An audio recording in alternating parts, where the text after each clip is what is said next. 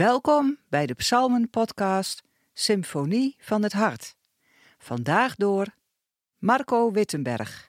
Vandaag lezen we Psalm 83.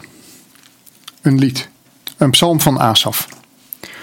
God, houd u niet stil. Zwijg niet, God, zie niet leidzaam toe. Uw vijanden roeren zich, trots heffen uw haters het hoofd. Tegen uw volksmeden zijn complot. Ze spannen tegen uw lieveling samen en zeggen: Kom, wij verdelgen dit volk. Israëls naam wordt nooit meer genoemd. Ze hebben samen plannen gesmeed en zich tegen u verenigd.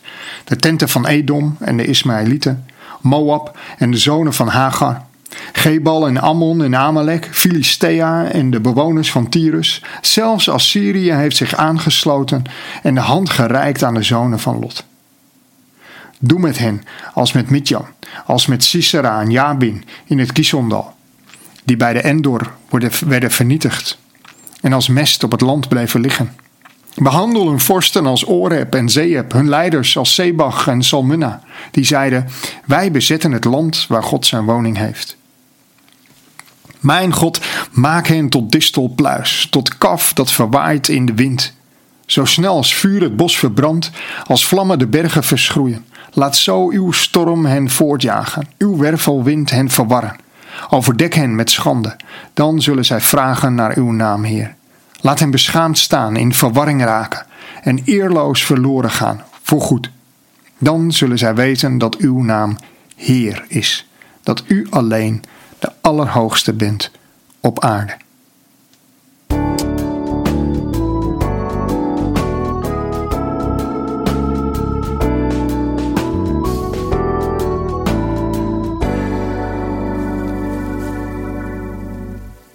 Ik heb deze podcast geschreven en opgenomen in de week dat Rusland Oekraïne binnenviel, eind februari.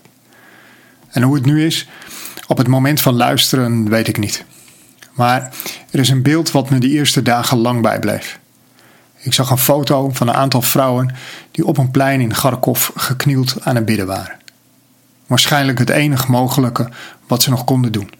In angst, onzekerheid Vol zorgen en niet wetend hoe het zou aflopen, zochten ze daar, open en bloot, midden in de stad, op het plein, het aangezicht van God. Bij het lezen van Psalm 83 kwam precies dat plaatje bij me naar boven. Hé, hey, wie weet waren ze deze psalm wel? God, houd u niet stil, zwijg niet, zie niet leidzaam toe. Een psalm, een gebed, een smeekbede tot God om in te grijpen om vijanden uit te roeien. Het is een gemeenschappelijke klacht van het volk Israël tot God. Een gemeenschappelijk en eensgezind gebed tot God om recht te doen. En ik denk dat we dit zijn kwijtgeraakt. Ergens in de loop van de tijd is het gemeenschappelijke verloren gegaan. Het is vandaag de dag met recht, ieder voor zich en God voor ons allen. Waarbij je God dan nog kunt degraderen tot het eerste de beste Boeddha-beeldje uit het tuincentrum om de hoek.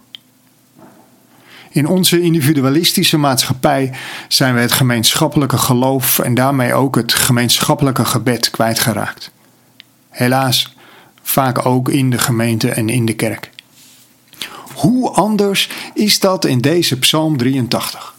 Gezamenlijk wordt er geroepen tot God. Er is dreiging. Omliggende landen en plaatsen hebben zich tegen Israël gekeerd. Edom, Moab, Filistea, Assyrië.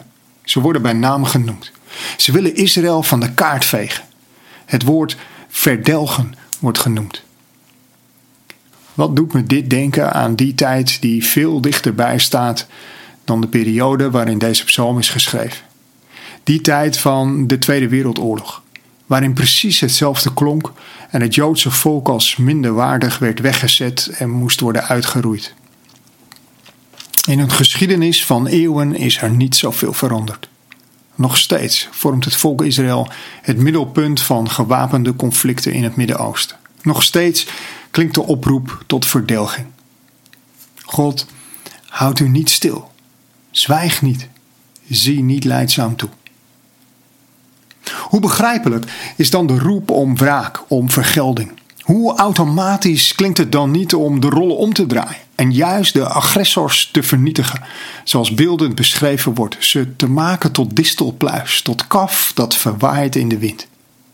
En het volk put uit de gemeenschappelijke geschiedenis van de richters, als de namen van Midjan, Sisera en Jabin genoemd worden. Toen kon het ook, toen greep u ook in. Toen leidde God zijn volk naar de overwinning en iedereen wist wie de God van Israël was. Want dat is waar deze psalm mee eindigt. Het gebed dat mensen, ook vijanden, weten wie de Heer is. Dat zij de naam van God zullen kennen. Het gaat dus niet alleen om platvloerse wraak of vergelding. Nee, er staat meer op het spel. De naam van God staat op het spel. De naam van de Allerhoogste, de rechtvaardige, is in het geding. En gezamenlijk, het hele volk als één geheel, wordt er geklaagd, gesmeekt, gebeden. Heer, zwijg niet. Met het plaatje van de vrouwen, biddend op het plein in Kharkov, moest ik denken aan openbaring, waar het plaatje geschetst wordt van de heiligen die roepen tot God: Wanneer? Wanneer grijpt u in? En God geeft antwoord. Zegel na zegel wordt verbroken. Bazuin na bazuin wordt geblazen. En schaal na schaal wordt uitgegoten. Totdat, totdat het einde daar is. Gods koninkrijk volledig is aangebroken en hij rechtvaardig zal oordelen. En dan, dan zullen zij weten dat uw naam Heer is, dat u alleen de Allerhoogste bent op aarde.